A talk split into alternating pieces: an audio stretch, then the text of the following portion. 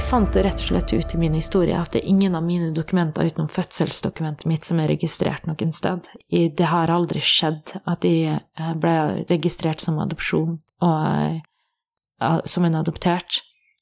Som bekrefter den følelsen jeg hadde på barneskolen, og som jeg hadde som barn, at det var noe som hadde skjedd med adopsjonen, der jeg følte meg rett og slett kidnappa. Denne damen har vært og er en sterk stemme på adopsjonsfeltet. Hun startet faktisk sin livsvei og karriere fra barnsben av, og var aldri i tvil selv om veien var lang. Hun er en fantastisk formidler, og med en bagasje av verdier dere kommer til å høre om snart. Denne episoden er Priyankikas stemme om sin historie og hennes arbeid. Selv om mange kjenner din historie, Priyankika, kan vi ikke begynne på begynnelsen i Sri Lanka tidlig på 90-tallet? Jo, Um, hvor skal jeg starte? Når jeg var åtte dager gammel, så ble mine adoptivforeldre i Molde ringt av Adopsjonsforum, som sa at de hadde et barn klart på Sri Lanka. Og da hadde de vært i en prosess der de var litt usikre på om de skulle ha en jente eller gutt, men de hadde landa på en gutt, da. Og så var det plutselig en jente som var tilgjengelig, og da gikk de jo rett og slett for det. De hadde visst spurt min adoptivbror, som var adoptert fire år før meg, om han hadde lyst på en lillesøster eller om han hadde lyst på en lillebror. Og da hadde han jo sagt lillesøster til slutt. Så han har alltid tulla med det i oppveksten sånn åh, jeg skulle valgt en lillebror i stedet. Og så har det vært en sånn ting i familien vår. Men eh, det som skjedde så, var at de reiste til Sri Lanka, og første gangen mine adoptivmor hadde meg på fanget, så var jeg 13 dager gammel. Så de heiv seg jo rundt, og det her er jo tidlig 90-tallet, så det er jo ikke gitt at man får en rimelig flybillett, og at man kunne bare hives rundt. Men de var altså klar og hadde venta i tre år i adopsjonskø. Så hadde de jo lært en del av det å være adoptanter fra eh, min bror. Men de sier jo det også, at det var en helt annen prosess da de skulle adoptere med, enn da de reiste og henta han. Så man da så liksom utviklinga av landet med tanke på borgerkrigen, men også adopsjonsfeltet, da. Og det hadde forandra seg allerede på den tida. Så vokste jeg opp i Molde. Jeg var ganske ung når jeg begynte å stille spørsmål rundt adopsjonen min. Jeg var vel to-tre år da jeg begynte å stille spørsmål når adoptivforeldrene mine kom og henta min barnehagen. Og når jeg gjenforteller det, så skriver jeg så ofte om adopsjonshistoria mi at for meg så er det en veldig sånn strukturert historie i hodet mitt og gjør det veldig sånn klart med at de er ikke bare mine norske foreldre, de er også adoptivforeldre. For å sette det i perspektiv, og det handler litt om for meg å plassere dynamikken i relasjonen også, at det er en relasjon som er valgt. Det er ikke bare sånn at jeg har fått foreldre, og så har det gått livets gang. Men de eh, henta meg altså også fra barnehagen, og da merka de at jeg hadde et ubehag at de var litt sjalu på andre familier som ble henta av sine biologiske foreldre, eller at de kjente seg folk. Så de så nok det komme at de skulle begynne å stille spørsmål og lurte litt på hvor min mor var, og hvorfor ikke hun kom. Og for et barnehode på den tida, og mitt barnehode på den tida, så var det veldig vanskelig å forstå at hun ikke kunne komme. For de forsto ikke at Sri Lanka var et annerledes land. Jeg trodde Sri Lanka var rett rundt hjørnet i Molde, og at uh, hun kunne ta turen. Men de forsøkte hver eneste dag å fortelle meg at hun er på Sri Lanka, og hun er så glad i deg at hun har gitt det til oss, og at du skulle få et godt liv her. Men det var ikke nok for meg. Jeg, jeg hadde så iboende spørsmål, som er litt rart, fordi når jeg kom til Norge, så var jeg jo syv uker gammel. Og når jeg da begynte å stille de spørsmåla her, så balla det jo bare på seg. At det ene spørsmålet leda til det andre, og det handler nok om måten mine adoptivforeldre møtte temaet på. At jeg møtte dem med en åpenhet der vi kunne fint snakke om temaet, og det kunne være ubehagelig, men de satt ikke seg sjøl i midten. De evna å se at det var bare et behov og et uskyldig barn som lurte, og var litt sånn Men hvis hun elsker meg, Hvorfor har vi ikke kontakt med henne? Hvis hun elsker meg, hvorfor fikk ikke hun lov til å komme på besøk? Er det sånn at dere ikke er glad i henne? Jeg var jo bare helt uskyldig uh, unge, men jeg fikk dem jo til å tenke. At maktbalansen i den relasjonen var også en maktbalanse de ikke hadde reflektert over, og de drev bare og gjenfortalte historier som de enten hadde blitt fortalt av eh, adopsjonsforeninga, eller som de hadde laga seg i hodet. Og det er jo noe jeg har liksom reagert på i ettertid, hvor mange av de historiene vi har snakka om i min barndom, som egentlig bare er tanker de har gjort seg, som de har presentert til meg som fakta. Og så spør jeg liksom Men hva er kilden til det her? Hvem er det som har sagt det her til deg? Så er det ingen som har sagt det. Det var bare en tanke de hadde om at de kanskje hadde en mann eh, i mitt bilde som var min far, som var en arabisk mann, og så presenterte de det som liksom Ja, du, pappaen din er fra Kuwait fordi hun var ute og reiste i Kuwait. Og så spurte jeg når jeg skulle bli gjenforent sånn Ja, har du ikke møtt pappaen min fra Kuwait? Å nei, det har bare vært en tull. Vi har bare tulla litt om det fordi du er så lys. Og så ble jeg jo litt sånn Hæ, men nå har jeg gått hele livet og trodd at jeg hadde de røttene her, og dere har presentert det som at det var en historie. Men det har bare vært tanker de har gjort seg, da, at de har reflektert gjennom å lufte tanker. Og da er det ikke sånn at jeg angriper dem og sier at nå har dere vrangforestilt min historie, men uh, da kan vi jo snakke ærlig om at ok, det var litt sårende, for jeg har jo gått rundt og trodd nå at jeg hadde det her navnet fordi at bestemor ga det, men så var det kanskje bare en tanke dere hadde.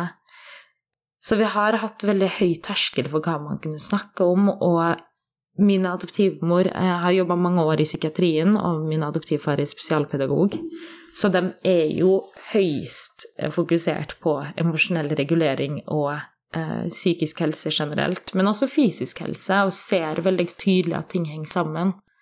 Ofte hvis jeg f.eks. hadde ubehag underveis fordi jeg gikk og tenkte på spørsmål som jeg lurte på, så sa jo min adoptivmor sånn Nå har du noen spørsmål som du sitter inne med. Det er grunnen til at du har vondt i magen. Hva er det vi trenger å snakke om? Og det å ha en så årvåken forelder, det er jo generelt, på generell basis, så er det jo veldig stort. For det å være forelder Nå er jeg jo tobarnsmor, og det å være forelder er jo ikke den letteste jobben man kan ha. For man skal jo både vite eh, hva den trenger, eh, det barnet, i både fortid og fremtid og akkurat her og nå. Og det å se det i lys av at ok, det her henger kanskje sammen med adopsjon, eller det her henger sammen med noe større. Det imponerer meg underveis her at de faktisk evner å gjøre det som en forelder generelt. Så jeg ble møtt med veldig mye åpenhet når jeg hadde spørsmål, og de lurte på hvem eh, som hadde gitt en kommentar som var sårende, eller hva som fikk meg til å reflektere over at jeg savna mamma litt ekstra den dagen, eller at jeg hadde et spørsmål om Adopsjonsforum, for eksempel, kunne gi meg informasjon, og at jeg ønska plutselig så ihuga informasjon der og da. Det var veldig viktig for meg å få adopsjonsmappa mi når jeg var liksom fem-seks år. Det er jo en veldig tidlig alder å spørre om en adopsjonsmappe. Men når de da måtte sitte og reflektere med meg og svare at men det har du ikke lov til å få. Du har ikke lov til å få dokumentene dine før du er 18 år. Det var jo en naturlig utvikling i samtalen vår fordi jeg var så nysgjerrig, men det var også en naturlig utvikling fordi de satte seg i en posisjon der de stilte seg sjøl spørsmål sånn Er det her riktig? Er det riktig at hun ikke kan gå inn i mappa si og få ekstra dokumenter som vi potensielt har, eller er det riktig at hennes mor ikke har muligheten til å ta kontakt med oss og kunne komme på besøk, eller at vi kan vite om henne og få oppdateringer om hvordan hun har det. Så det er veldig ironisk for meg når alle eh, reagerer på at jeg er så kritisk i feltet, og så veit de ikke at det her er også blitt planta i meg fordi at de har rett og slett vanna den nysgjerrigheten, da. Jeg har jo utfoldet den med dem, men det er jo fordi de er en familie som stiller ofte spørsmål til ting og setter i perspektiv, og min eh, hovedhobby med min adoptivmor var jo å utforske tanker som barn, eller i voksen alder. Det at vi kan liksom analysere en tanke sammen eller en følelse sammen, det er den relasjonen vi har. Vi elsker å snakke om psykisk helse sammen, og prøve å forstå hvorfor vi mennesker tenker sånn som vi tenker, eller hva som gjør at vi har blitt sånn som vi har blitt.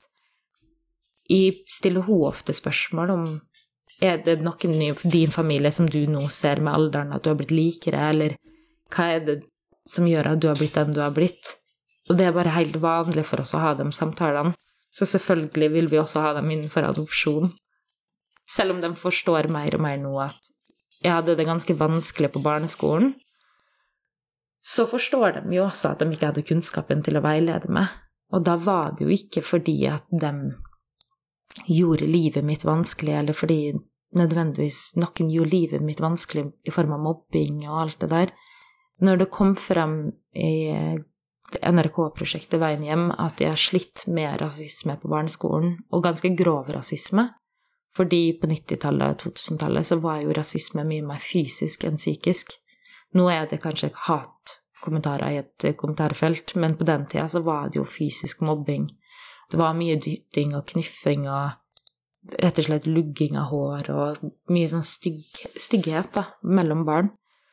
Men de så at det gikk dypere enn som så, at de satt på skolen og ønska å få med meg det som ble sagt, men de satt med en sånn lengsel om å reise hjem igjen og at de tenkte at ok, men det er ikke riktig at de er her, og late som om i noe Kine som skal ha et norsk liv og skal leve her, og så veit ikke hvor min egen mor er.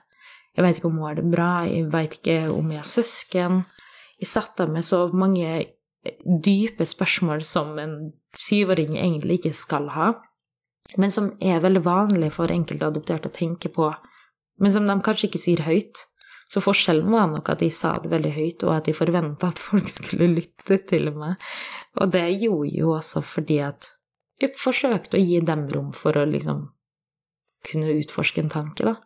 Så jeg var nok et høyst eh, kritisk barn av natur, men jeg var jo også et barn som kunne liksom sitte og ha en veldig dyp samtale rundt middagsbordet med mine adoptivforeldre og utforske en tanke, og så kunne jeg stikke ut og leke etterpå og glemme at jeg hadde stilt spørsmål om hele opphavet mitt rett før. Så jeg var jo et, et helt vanlig barn. Eh, men jeg var nok et veldig tenkende barn. Og jeg syns også det var veldig ubehagelig når jeg så diasporaen komme til Norge, og så at de hadde hverandre, og observerte hvilken glede de hadde i hverandre. Men jeg hørte jo også om ganske grufulle historier der det var mye psykisk helse, eller det var mye fysisk, fysiske utfordringer. Og da tenker jeg ikke bare liksom på oppdragelse, men jeg tenker også på at folk sleit rett og slett økonomisk etter å ha flykta etter krig. Så da tenkte jeg ofte sånn Jeg er heldig som bor i det hjemmet her, som har de adoptivforeldrene her. Men det igjen førte meg jo da til å tenke Men det er så mye penger i adopsjonen. Hvis det er så mye penger i adopsjonen, hvor mye fikk min mor? Og når jeg da fikk lære at Nei, den fattige forblir fattig fordi man kan ikke betale foreldre, for da blir det menneskehandel. Så så jeg på mine adoptivforeldre og sa liksom Hadde ikke dere hatt det bedre hvis dere visste at dere ga henne en startkapital på livet og gjorde at hun kunne få et bedre liv, enn at byrået og alle andre tjente penger? Som igjen fikk oss til å ha ganske annerledes samtaler. Jeg begynte å stille spørsmål om hvor mye kosta, eh, som nå når jeg gjenforteller det, høres det jo helt sinnssykt ut. Men på den tida så lurte jeg bare generelt på hva måtte dere igjennom? Vi stilte jo også spørsmål om hvor lang tid tok det før dere kunne få oss? Hvorfor tar det tre år? Eh, hvordan følte dere det når dere venta? Og selv om dem som adoptivforeldre forsøkte å ikke legge byrder på meg, så var jo svara i en adopsjon såpass liksom opprørske, da. At det gjorde jo noe med meg å høre liksom Oi, dere har gått og venta i tre år på meg. Det i seg sjøl får et barn til å tenke sånn Men hva skjedde de tre åra? Hva om noen andre ble henta og ikke i? Var det bare tilfeldig at det var meg? Ville de elska meg like mye eh, hvis de egentlig skulle ha et annet barn? var det sånn at de vurderte å avslutte det underveis. Jeg gikk og tenkte på veldig mye som jeg aldri egentlig har spurt mine adoptivforeldre om, men som jeg gjennom samtaler har observert at de har fortalt svaret på. Men eh, så gikk jo tida på barneskolen. I andre klasse så hadde jeg hatt ganske vanskelige opplevelser med min, mitt opphav. At barn lurte jo på om jeg hadde kontakt med mine biologiske røtter. De stilte spørsmålstegn rundt familiestrukturen vår, selvfølgelig.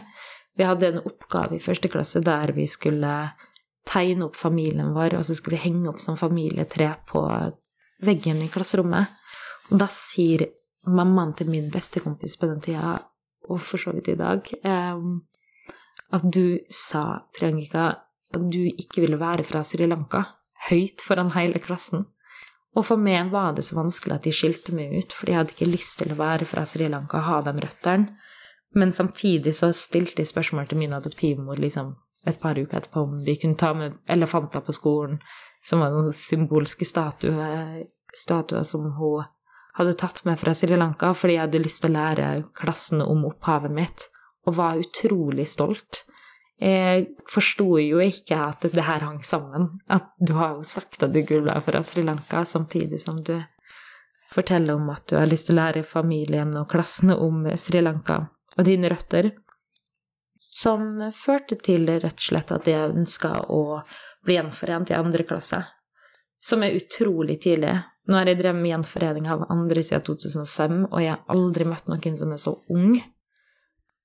Så det at eh, i dag går ned trappa en dag i andre klasse og banker på kontordøra til min adoptivfar og spør han om han kan hjelpe med å skrive brev til alle som vi måtte skrive brev til, som på den tida var liksom Fylkesmannen eh, og Adopsjonsforeninga og da Gjenforeningsprogram.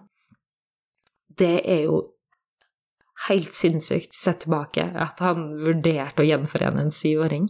Men jeg tror ikke han hadde gjort det med hvem som helst, og jeg tror ikke han hadde gjort det med min bror, eksempel.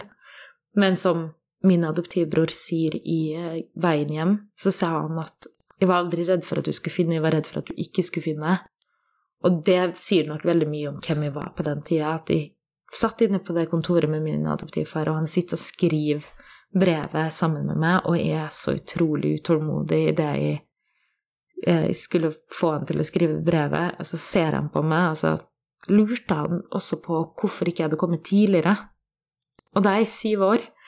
Men jeg hadde jo da svart at jeg håpte at den følelsen her skulle gi seg. At jeg kunne legge bort røttene mine og ikke fokusere på dem. Men sett tilbake så er jeg utrolig glad for at jeg starta så tidlig. For de krisene som andre går gjennom nå, de føler jeg at de vokste opp med. Så det er ikke en sånn tåke eller en boble som sprekker. Det har bare vært en del av livet. Og røtter er veldig, veldig viktig. Både for å forstå fysisk helse, men også psykisk helse. Og det at jeg lærte om mine røtter som en naturlig prosess underveis her, tror jeg har gjort at jeg kan på en måte være den jeg er i min helhet nå, da. Men på barneskolen så hadde jeg noen veldig tøffe tak. At når jeg da opplevde å få svar etter to år, for vi måtte jo sende brev i posten, og så måtte vi jo få svar av, dem her, og de bruker jo litt tid, så hadde jeg rukket å bli ni år. Og da husker jeg at jeg hver eneste dag sprang ut i postkassa for å finne det brevet her, og en dag så ser postmannen på meg, og så det er den dagen jeg ser på postkassa, og nesten har gitt opp. Og så ser han på meg og sier sånn 'Kine, du må komme ut. Jeg har noe til deg.' Og så får jeg det brevet, og så skjønte jeg jo ikke hva som sto men jeg åpna det. Og så var det jo veldig formelt skrevet, men jeg hadde en veldig sånn vond følelse når jeg fikk det, og så gjemte jeg brevet. Og da tror jeg kanskje min adoptivfar skjønte rett og slett at det var noe som hadde skjedd, som var en hemmelighet mellom meg og han, fordi at min adoptivmor visste jo ikke om det her.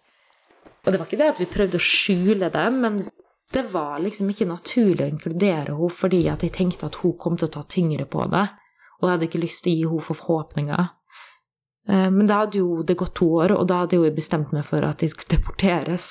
Så, så den eh, avgjørelsen utvikla seg jo ganske drastisk. At jeg var ferdig med å være adoptert. Jeg var ferdig med å late som at det her scenarioet funka. Jeg så både på meg, men også min bror, at vi var veldig prega av å både slite med følelser, men vi sleit også med å plassere følelser, selv om de forsøkte.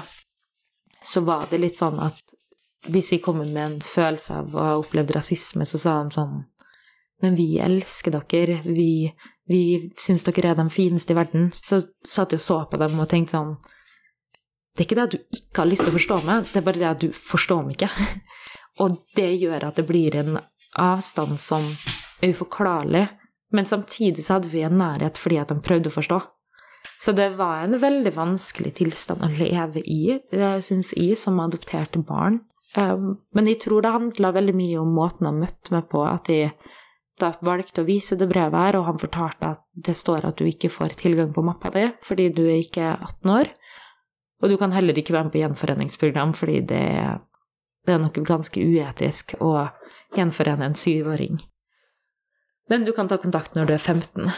Ja, så ble jeg fortalt at jeg kunne være med på gjenforeningsprogram når jeg var 16 år, for det var det som var aldersgrensa på Tore på sporet på det tidspunktet. Og så sa han at de kunne ta kontakt når jeg var 15, sånn at de kunne forberede saken i en periode. Men for meg var jo det her på en måte en hel evighet til, og jeg skjønte ikke rett og slett hvordan jeg skulle overleve. Da husker jeg at det var ganske mørkt, og at jeg ikke kunne fortelle det til noen. Mine adoptivforeldre gikk gjennom skilsmisse på den tida, eh, så det var på en måte en parallell prosess. Og jeg hadde nok en ganske heavy reaksjon på det, men jeg hadde nok mest av alt en reaksjon på opphavet mitt, og at ingen kunne relatere til det. De som satt i klasserommet, de hadde jo begge foreldra sine, og jeg hadde ikke på den tida faktisk folk som bodde under barnevernsomsorg eller noen den form for eh, omsorg. Så de hadde egentlig ingen som forsto helt det behovet som jeg hadde på, og jeg hadde ingen som kjente på det behovet som jeg kjente på, og min adoptivbror var veldig her og nå. Og det er han for så vidt fortsatt. Vi er jo vidt forskjellige mennesker. Han har knapt reist fra Molde. Jeg driver bare med jakt og fiske og jobber lokalt og er veldig aktiv i det lokale miljøet. Og det er helt fantastisk, men jeg kunne jo aldri levd det livet. Og han kunne aldri levd mitt liv.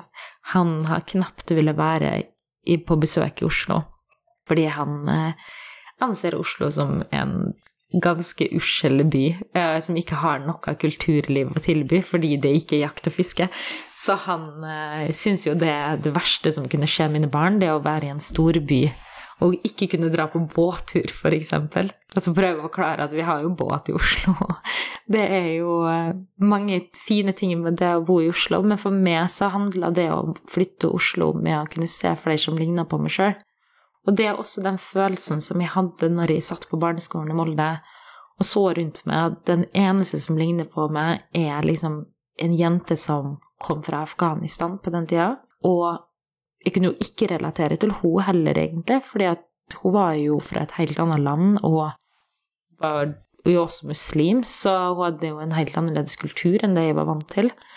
Men så var det også en gutt som hadde halvt bakgrunn, da, at han var halvt filippinsk. Og han blei jo faktisk ansett mer norsk enn meg. Jeg husker de så på meg og var litt sånn Du veit, Kine, at eh, Mark Kenneth, han er mye mer norsk enn det. Og så så jeg på dem, og det er en sånn ting som man ikke kunne fortelle med Det hvem jeg er, og hva man eh, kan båse med meg. Så da så jeg på dem, så sa jeg jeg er så norsk som jeg vil være, og det er ingen av dere som kan definere meg og det er en stolthet som vi på en måte alltid har hatt, at jeg kan velge å omfavne den 100% norskheten adopsjon har gitt meg, men så kan jeg også omfavne mitt eh, biologiske opphav og dem røttene. Og ingen skal kunne komme og fortelle meg noe annet. Men i neste sekund så står jeg jo der og sier at ok, jeg vil deporteres. Så jeg skjønner jo at de ble litt forvirra, og at det var veldig vanskelig å henge med i svingene på hva jeg ønska på det tidspunktet. Og sett tilbake så kunne man jo verken gjenforent eller deportert en syvåring, men de kunne nok tatt noen tiltak med å sette meg i kontakt og sørge for at de hadde tilgang på kontakt, og at de hadde tilgang på å eventuelt gjenforenes eller få en uh, tilbakeføring etter hvert, om det var det som hadde vært tilbudet. Men når man overhodet ikke har muligheten til å se på dokumentene sine engang, så satt det jo der med en sånn håpløshet som bare brettes utover hele livet mitt. At jeg gikk rundt og følte at alt i livet var på deres premisser. Så hvis jeg gjorde noe som jeg trivdes med, så fikk jeg nesten dårlig samvittighet fordi at det var en påtvunget realitet som gjorde at jeg innså at det her er ikke opp til den enkelte. Det her er ikke noe vi har tilgjengelig, det er ikke et alternativ vi har. om jeg har lyst til å gå og snakke med noen om det her nå, så vil ikke de forstå meg uansett. Så når min adoptivmor kom og sa at jeg tror kanskje du skal gå og snakke med noen og få lov å snakke om det her, så så jeg på og så var jeg sånn Men det er jo ingen som kan relatere. Da må de ha mista hele livet sitt, da. Og så må de ha fått en ny identitet, og så skal de relatere til det. Hvem er det som kan relatere til det, egentlig? Og da forsøkte hun å introdusere for meg at jeg kunne begynne å skrive. Så da satt jeg og skrev ned tanker, skrev dagbøker, og sett tilbake så er det ikke rart at Anne Franks dagbok var den første boka jeg leste, i første andre klasse, og at jeg satt og hadde fokus på andre verdenskrig med min eh, mormor på den tida.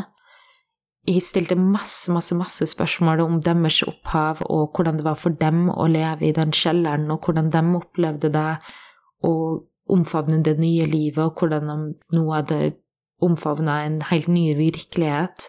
Hun reiste liksom på tur til Kina for yogaopphold, og jeg syns det var så fascinerende at de både hadde overlevd en krig, men samtidig kunne omfavne et helt nytt liv.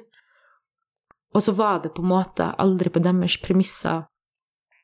Så jeg forsøkte vel å finne liksom svar der jeg kunne finne svar, at det var mulig å omfavne et liv som man kanskje ikke følte at man hadde helt kontroll over. Og så er det jo ganske drøye sammenligninger, men for meg så handla det om kontroll over eget liv og kontroll over egen identitet, og det følte jeg at ingen forsto at det handla om. At det navnet jeg gikk rundt og bærte på, det kjente ikke jeg tilhørighet til. Så jeg sa det til min eh, adoptivmor ganske tidlig, at det her navnet jeg har som Kine, det, det er det ikke jeg som har valgt, og det er ikke selv i kroppen min som har lyst til å ha det navnet her, så jeg vil forandre navnet mitt. Og da ba hun meg om å vente noen år, fordi det er en så stor, drastisk identitetsforandring. Men det er derfor veldig gøy nå når jeg faktisk tatt det bort, at folk er sjokkert, for det her er noe vi har diskutert i hjemmet vårt siden barneskolen. Så det er ikke sjokkerende for mine adoptivforeldre at de har gått ut og vært ganske hard, men jeg er veldig glad for at jeg ikke gikk ut på barneskolen, for det hadde jo ikke vært like nyansert tanker da. Eh, da hadde jeg nok vært ganske mye sintere og bevist de stemmene som jeg blir møtt med, at jeg er sint. Og det er ikke sint. Jeg er veldig sint på hvordan systemet behandler mennesker, men jeg er ikke sint på den enkelte som styrer det systemet her, for jeg skjønner jo at man tenkte på barneskolen at den jenta her kan ikke gjenforenes. Hun har nok med å fokusere på skolegang her og nå. Men det som sjokkerer meg litt, se tilbake, og prøvd å liksom sette meg sjøl som et barn, er jo å tenke på at hodet mitt var så fullt av tanker som både handla om røtter, men det handla om tilhørighet der og da, å finne ut hva min plass i barneskolegjengen var. I jentegjengen, hvilken rolle er det jeg er tildelt, eller hvilken rolle skal jeg spille? Samtidig som vi skal på en måte ha fokus på det faglige og det sosiale på eh, ettermiddagstilbuda, da. Med håndball og alt det andre jeg var innom. Jeg tror jeg har vært innom alle aktivitetene et barn kan være innom. Jeg har til og med spilt fiolin. Og jeg fikk utfolde meg som barn, så det er veldig mange som tror at har hatt en vanskelig oppvekst. Og det er den hele og fulle sannheten. Men jeg trivdes veldig mye som et barn, og jeg hadde det veldig godt. Men det var en sånn ubehagelig, uggen følelse i bunnen at det å legge seg og ikke vite hvor mammaen din er, og ikke vite om hun har det bra, og ikke vite om det her er noe hun står inne for, det er en sånn ting som kan få meg gråtkvalt den dag i dag. At som en mor så kan jeg jo relatere veldig mye til den tristheten. At jeg merker det jo nå når jeg eh, har barna mine annenhver uke, og mer enn det òg. Så savner dem jo med en gang. Men jeg hadde jo en relasjon til dem fra start, og har jo bygd en relasjon over mange år. Men hun har jo hatt meg gjennom en graviditet, hun amma meg jo. Så faktumet at hun på en måte ikke fikk den muligheten til å ha en relasjon, da, det har jeg tenkt veldig mye i oppveksten også på, og når jeg også fikk egne barn, at det må ha vært det vondeste et menneske kan oppleve, å miste barnet sitt på den måten og ikke ha, en mulighet. Uh, og det fikk meg jo til å tenke, når jeg da ble jeg kontakta på begynnelsen av ungdomsskolen, så hadde jeg jo gitt opp litt mitt eget søk, um, og var veldig frustrert over at det ikke fantes noen dokumenter jeg kunne gå til, og jeg satt jo konstant med papirene mine. Det var noe jeg gjorde hver dag. Eh, det var å gå til en sånn trereol på stua, der jeg tok ut papirene mine og satt og så på dem og lurte på om jeg kunne tolke et nytt ord, kunne lære meg et, eh, et ord som betydde noe som knytta meg til landet, eller som gjorde at jeg fikk en sterkere identitetsforståelse for meg sjøl. Jeg forsøkte virkelig å gå inn i meg sjøl konstant, og jeg leste på det akkurat det samme dokumentet hele tida. Og jeg hadde to sider med dokument, det var alt jeg hadde, og et pass. Og så hadde jeg noen bilder av min mor. Men jeg hadde ikke en fullverdig fødselsattest engang. Så jeg hadde forsida av uh, fødselsattesten, og ikke baksida, og så hadde jeg også andre del av rettsdokumentet som mangla forside så jeg hadde jo ingenting å gå etter. Og når jeg satt med de dokumentene, så håpte jeg jo at foreningene og myndighetene skulle ha meg, som gjorde at jeg kunne bli kobla til røttene mine. Og så gikk det litt tid, um, og jeg brukte så mye tid med de dokumentene her, og brukte utrolig mye tid på å prøve å lære meg språket og sende brev til folk som kunne hjelpe meg å gjenforene meg. Jeg fikk bibliotekaren på skolen til å sitte og hjelpe meg å skrive brev, eller postebrev, som var til forfattere som hadde skrevet bøker om Sri Lanka, og så fikk jeg svaret at liksom Men jeg har skrevet en fuglebok om srilankiske fugler. Jeg er ikke srilanker, jeg er bosatt i Tyskland. Men jeg kan sette det i kontakt med en person som jeg kjenner på Sri Lanka. Og så kom de av sporene, de omfavna oss veldig. Min storebror eh, var jo bestevenn bestevenner med en eh, som var tamilsk. Og vi blei veldig nær den familien, og de så jo mitt behov. Og jeg husker den bestemora i den familien så på meg, og så sa hun ting som jeg ikke forsto, fordi at hun snakka tamilsk, men jeg følte at hjertet mitt forsto det. Så hun hadde liksom tårer i øynene og så på meg og var litt sånn Du har det ikke godt. Du, du lengter sånn etter røttene dine, liksom. Og jeg sto og så på henne og var litt sånn Hvorfor kan ikke jeg ha den bestemora her? Hvorfor kan ikke jeg ha den familiestrukturen her der jeg kommer inn i hjemmet, og det er fylt av kultur og kjærlighet, og en familie der man forstår hverandre. Jeg merka dynamikken deres, at de forsto hverandre, men jeg merka jo også at dynamikken var helt annerledes enn i vårt hjem. At i den familien så var alt veldig basert på respekt, og at man tjente foreldrene sine. At det var liksom sånn at barna gikk og henta glass vann til mamma og pappa på en måte som jeg syntes også var veldig fint, fordi jeg syntes det var veldig fint at de hedra familien sin, men at det ikke var en tvang over det. Det var bare en respekt for at du har laga mat, så da går jeg og henter et glass vann til deg, eller jeg gjør det her fordi at du har hjulpet meg med noe. At det var en sånn genuin respekt. Og det lærte jeg utrolig mye av, at jeg ser jo nå at de la viktige mursteiner for min eh, identitet. Da. Det handler jo om en gjensidig respekt også for foreldre. Å forstå at de forsøker bare så godt de kan. Når jeg satt med den eh, bestemora her, så etter hvert så fant vi vår måte å kommunisere på. og Jeg ville alltid være med og hente min bror når han hadde vært der, og jeg blei jo kjent med søstera hans etter hvert, og blei veldig nær til henne. og for meg i oppveksten så var hun kanskje den mest sentrale personen som vi så opp til, men da husker jeg at jeg ofte satt på bestemor sitt fang der og så på henne, og så så hun på meg, og så visste vi begge to sånn Du skal ikke være her, du, du burde ikke vært her.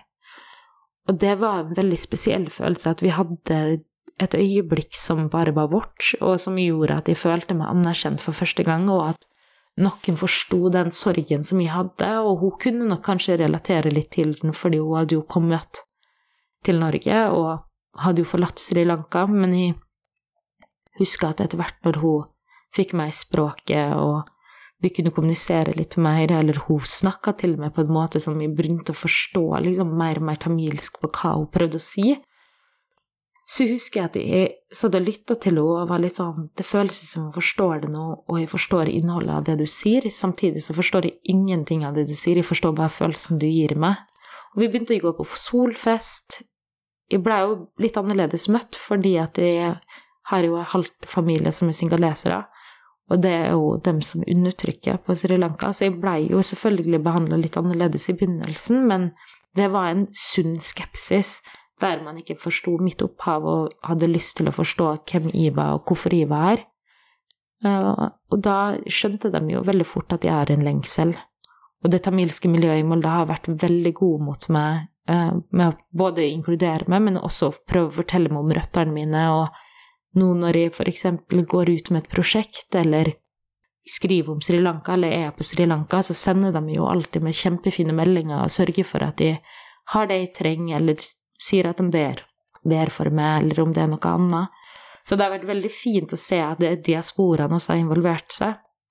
Men det som skjedde, var jo at de forfatterne her satte meg i kontakt med andre diasporer, og da begynte folk å snakke om det i hjemlandet. At det var en jente som drev og snakka om at hun ville deporteres, og hun var 13 år, liksom. Hva, hva tenker dere?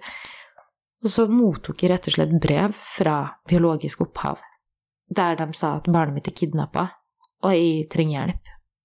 Og der i sitt så sitter jeg med en litt sånn hånfull holdning og er litt sånn Tror du meg inne adoptert, ikke kidnappa? Åh, tenk at hun ikke kan engelsk, liksom. Og da er jeg 13 år og jeg er litt sånn typisk ungdom og litt um, besserwisser på absolutt alt. og tenker at jeg har liksom forstått systemet. Men uh, da prøvde å snakke med dem som veileda meg, og sa liksom hva mener de med kidnappa, hvorfor forstår de ikke at det er adopsjon? Så sa de sånn nei, du må forstå systemet, at på Sri Lanka så finnes det et system som ikke ivaretar mennesker. Eh, det finnes et system som rett og slett utnytter mennesker, og så ble jeg bedre og bedre kjent med det systemet, og reagerte jo veldig på at man f.eks. ikke hadde et ettervernssystem for familier som hadde fått barn, eller at man ikke kunne gå til en terapeut, eller at det ikke var vanlig. Men igjen så var det jo borgerkrig der også, så de hadde jo ikke muligheten til det.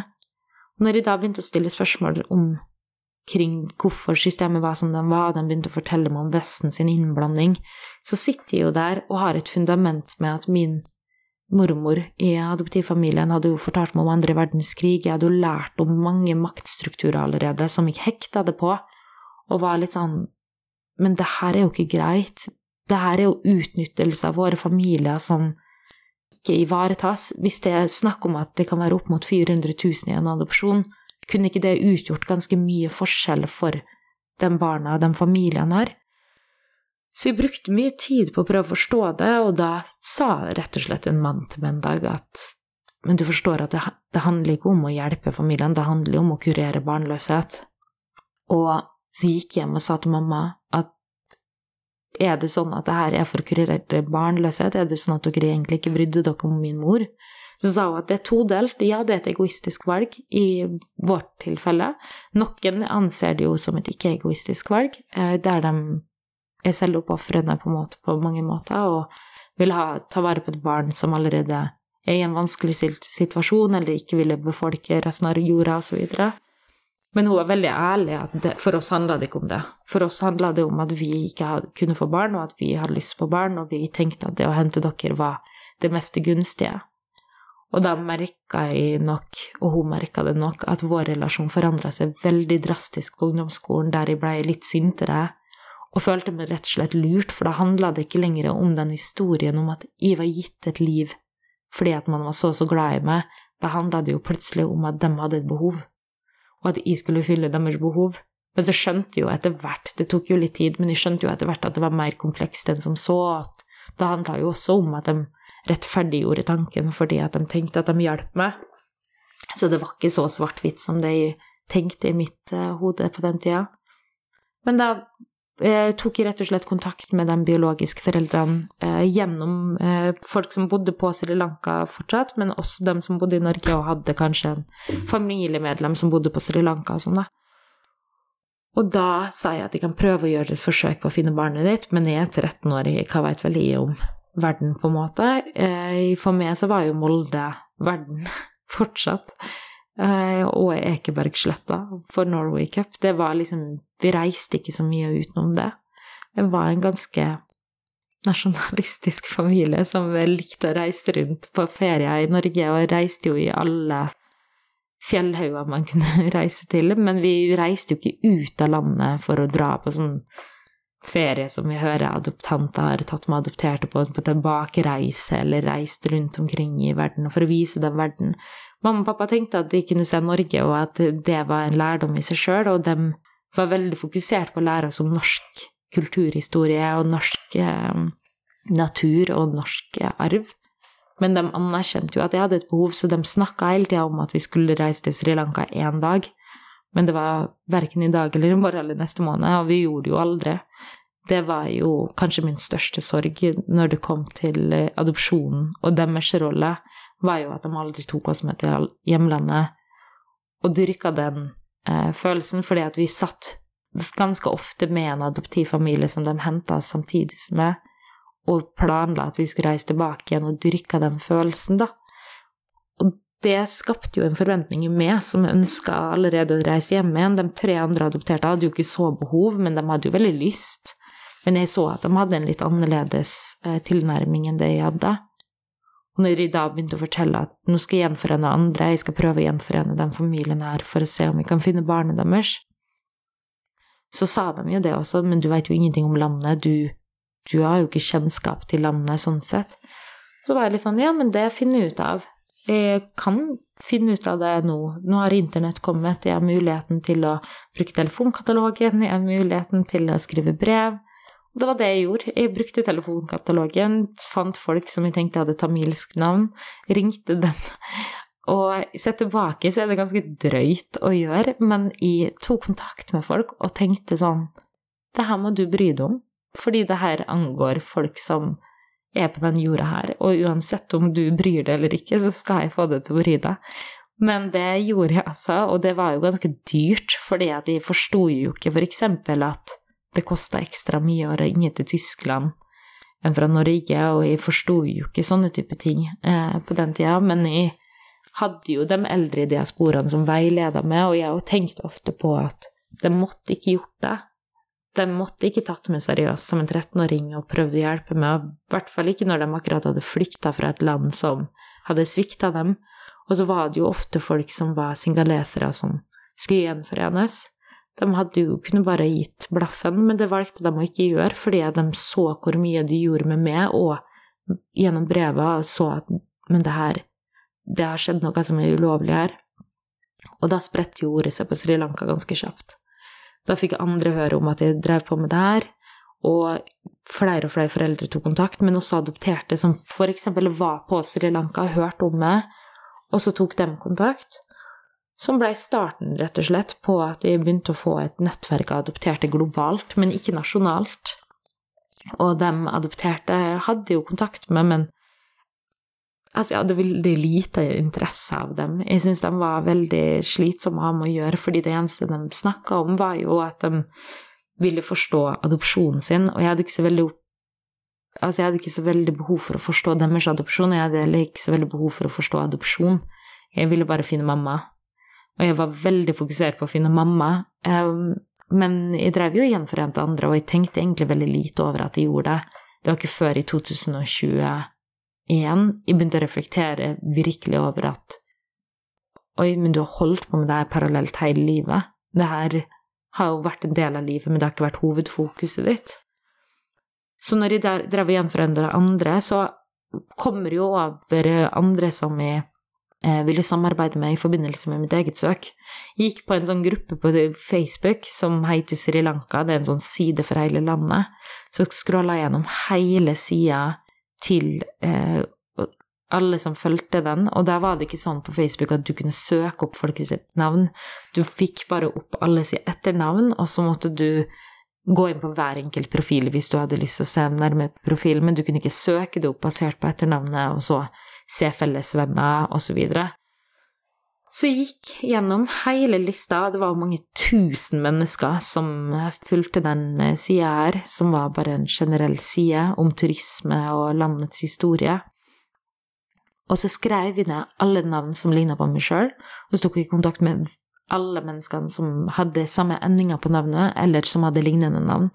Og jeg, jeg forsto jo ikke at du kan hete Hansen, men være fra tre forskjellige plasser i Norge, eller være fra forskjellige slekt. Jeg tenkte sånn, hei du Hansen, så er du familien min, og du må bry deg om min historie. Så jeg tok kontakt med dem, og de sa at vi er ikke i slekt, men jeg kjenner noen som jobber på det barnehjemmet som du var fra, jeg kan sette det i kontakt, jeg kjenner noen som jobber på sykehuset. Og så utvikla det rett og slett seg vennskap eh, som jeg har beholdt. Se tilbake, så er det jo ganske feil måte å prøve å gjenforene seg sjøl på, så jeg anbefaler jo ikke det til noen, men det var det eneste verktøyet jeg hadde på den tida. Og det er jo derfor det også blei veldig vanskelig for meg å forstå hva de gjorde på Sri Lanka, for de hadde jo ikke så veldig mange verktøy å forstå landets historie eller landets omgivelser. Så når jeg sa sånn, kan ikke du bare dra på barnehjemmet og sjekke dokumentene mine, så sa de sånn, ja, men jeg er fra Matera, kanskje. Og så var jeg sånn, ja, stikk i morgen, da. Og de bare, nei, jeg må på andre sida av øya. Og jeg bare, men du kan jo bare kjøre. Han bare, men jeg er 16 år, jeg skjønner ikke hvor gammel du tror jeg er. Så jeg er litt sånn, men kan du ikke spørre mammaen og pappaen din? Så da spurte de jo foreldrene sine. Da fikk jo rett og slett eh, folk til å stille spørsmål til eldre søsken som bodde i Colombo eller andre steder, om de kunne gjøre det her. Og det er jo ganske drøyt å sette himmel og jord i bevegelse for å finne mammaen sin, men det var altså det som var så viktig for meg, at for meg så var det den mest naturlige i verden. Um, og da kom jo i over fem menn til slutt som endte med å begynne å søke for meg. Og han ene hadde en søster som jobba på sykehuset jeg var født på, og hun fortalte veldig tidlig om at det har skjedd masse dumt på det sykehuset her i forbindelse med adopsjonsfeltet og kidnappingsaker generelt.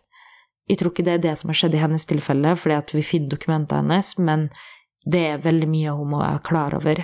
Og jeg hadde jo aldri hørt om adopsjonsskandalen. Men da hadde jo begynt å tenke litt mer på de foreldrene som snakka om kidnappingssaker, og var litt sånn Kanskje det var det de snakka om? Jeg fikk jo ikke bekrefta det med dem, for vi hadde jo bare brevveksling. Så hvis noen hadde flytta, så fikk jeg jo ikke tak i dem igjen. Men jeg tenkte på i ettertid at sett i lys av det de lærte meg, så har jo det vært en gradvis utvikling her til at jeg kunne ta inn den informasjonen. Men jeg visste jo overhodet ikke hva jeg ga meg ut på, og jeg sendte da de mennene her til akkurat samme steder på øya. Jeg fikk fire forskjellige menn til å reise til hjembyen til mamma for å lete etter passet hennes og prøve å forstå hennes eh, historie. Og de mennene visste ikke om hverandre. De samarbeida ikke, men jeg ville altså hente ut så mye informasjon som mulig, så jeg fikk dem til å hente samme informasjon i håp om at de kunne komme med forskjellige svar tilbake. Og så kunne jeg sette det sammen. Så jeg begynte jo å lage en strategi for mitt uh, søk nå når jeg ser det i lys av dagen i dag, så ville jo ikke sendt menn på en kvinnes dør, eller sendt menn til å leite etter kvinne, en kvinnes informasjon, men da så var jeg veldig desperat og tenkte at det var helt ok. Jeg visste jo ikke om eh, strukturene i samfunnet i det hele tatt, sånn sett. Men da reiste de, og så begynte de jo å høre om hverandre. At for eksempel en arbeider sa at men jeg har et møte med deg på onsdag, du skal jo få informasjon da, og han sa at men det her er første gangen jeg er her, hvem er det du snakker om? Og da sier de rett og slett rett ut at nei, det var noen andre som var her forrige uke. og da ringte de jo, eller sendte meg melding og var litt sånn, hva er det du driver med egentlig? Og da måtte jeg jo være ærlig og si at ok, men dere er mange som søker, jeg legger dere inn i en felles gruppe, og så kan dere snakke med hverandre og lage en strategi sjøl. Og det gjorde de. De begynte å samarbeide. De sa at eh, 'jeg har funnet det her, du kan reise og gjøre det her'. Og så drev de og gjorde det her, og de gjorde det gratis. Jeg hadde jo ikke inntekt på den tida der, så jeg, og det slo meg ikke engang at man burde betalt noen for å søke. De gjorde det helt frivillig og ville bare hjelpe. Og de sa at du er en av oss, du trenger å finne røttene dine, og vi har veldig lyst til å hjelpe deg. Og den holdninga er på, land, eh, på Sri Lanka. Jeg har sett at folk virkelig, virkelig, virkelig vil hjelpe og går til sitt ytterste for å hjelpe helt gratis. Men selvfølgelig nå når de jobber med det, så kan man jo ikke ha folk som gjør det gratis. Og innen jeg var 18 år, så hadde vi bistått 100 mennesker i deres søk, men jeg hadde fortsatt ikke funnet min egen mor. Og da hadde jeg leita jo allerede i altså 11 år. Jeg hadde leita i 11 år allerede, og jeg hadde jo begynt å gi opp. Jeg ble gravid med min eldste sønn Nishanta, Matheus Nishanta, og begynte jo å tenke enda mer på graviditeten. Men jeg syntes det var så ubehagelig å gå gjennom en graviditet der jeg ikke kunne stille adoptivmor spørsmål om amming, eksempel. Og det var konstante påminnelser om at vi har forskjellige røtter, vi har forskjellige tilnærminger til det å være mamma. Du kan ikke forstå hva det gjør med meg å få et barn nå, for det her blir første gangen jeg ser mitt biologiske opphav. Men etter hvert som jeg hadde sittet med samtaler med andre mødre i mitt fellesskap, altså vennene mine sine foreldre Veit ikke hva jeg skulle gjort hvis ikke jeg hadde. De tok meg hjem og lærte meg om amming. De fortalte meg om hvordan jeg skulle prøve å oppdra barnet, hva som var det viktigste å ha for et barn. Jeg blei så nær mine bestevenner sine foreldre, og de satt og hjalp meg med så utrolig mye. Og så tilbake så blei de jo sånne ekstramødre som jeg elska å henge sammen med, og mine venninner og kompiser var jo litt sånn 'Hallo, kan du slutte å henge med mamma, og komme og henge med meg?' Men jeg syns jo det var mye mer interessant å diskutere med dem, fordi at dem kunne jo forstå hvilken situasjon jeg var i. Og hun ene hadde jo blitt eh, gravid ganske tidlig, så hun kunne forstå min situasjon. Og det var så befriende å sitte og snakke med et menneske som hadde blitt mamma i en så ung alder at hun, det definerte identiteten hennes, og hun husker sa til meg at det er viktig at du husker at du må ha et eget liv på sida av det å være forelder. Og det skjønte ikke hva hun mente med på den uh, tida, men sett tilbake så var det alle de små råda der som var gullkorn for meg å forstå som en forelder, men også som en adoptert, at da begynte jeg å reflektere over mine adoptivforeldre sin holdning til å være forelder, at jeg måtte rett og slett si til dem at jeg syns dere har kanskje hatt litt for mye fokus på å være foreldre, og det har blitt hele identiteten deres fordi at dere har tatt et så stort ansvar som gjør at dere kjenner ekstra på det. Dere som adoptivforeldre kan ikke komme og si at det her var mye mer vanskelig enn det dere så for dere, eller at dere for eksempel skulle ønske dere ikke hadde barn, for da kommer jo moralpolitiet etter dere og sier ja, men det her gjorde dere sjøl, at dere veit hva dere gjorde, og det var dere som ga dere ut på det. Men som en mor kan jeg ofte tenke at oi, det her var mye mer enn det jeg noensinne hadde sett for meg, og selv om jeg ikke ville vært foruten barna, så er det noen dager man tenker at det hadde vært mye lettere å bare ha meg sjøl å passe på. Men de har nesten ikke lov til å tenke den tanken engang. Og når jeg da kunne sitte med min adoptivmor og adoptivfar og si at vi skulle ønske dere hadde et sted å ventilere, der ingen dømte dere, fordi samtidig som vi blir pågitt en uh, takknemlighetsgjeld, så blir jo dem også det på en viss grad, at de skal være så utrolig takknemlige for det valget de tok, og det er ingen nyanser. Det er ikke lov til å se tilbake og tenke at det her var kanskje ikke lurt, eller det her er det beste som har skjedd med en, men jeg evner å se at det er mer komplekst enn det jeg visste den gang. Eller rett og slett være ærlig om at det var ting vi observerte under hentereisa som ikke var helt greit, men vi har ikke noen sted vi kan si det, for vi var redd for å både miste dere, eller vi var redd for at folk skulle dømme oss. Så det har nok vært en veldig viktig del av reisen, og jeg er veldig glad for at selv om det tok tolv år, så er jeg veldig glad for at jeg fikk lære så mye om kompleksiteten i det å gjøre et søk, men både identitet og også være på en reise, at det er en livslang reise der jeg må eh, se det i nytt lys hele tida. Og det er jo det søket, men også det å gjøre søk for andre har lært meg at det finnes ingen fasit på hvordan en gjenforening er, og for noen tar det tolv år, og noen tar det tolv dager. Men eh, i mitt tilfelle så var det veldig vanskelig i tolv år, for det var noe jeg hadde lyst til hele livet. Og jeg var jo ganske langt nede på et punkt her der jeg tenkte at men kanskje det er sånn at hun gjemmer seg, at hun ikke har lyst til å ha kontakt.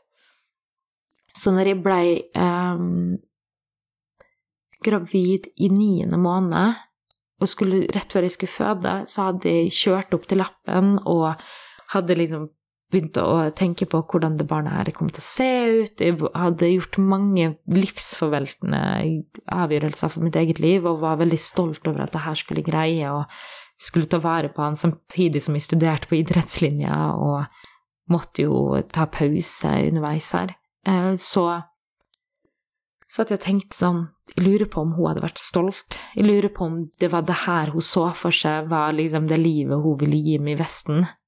At de skulle bli gravid som 18-åring og få et barn, eller hun hadde sett for seg at de skulle bli liksom doktor og ha et ganske mye mer stabilt liv enn det en 18-åring som blir mor får.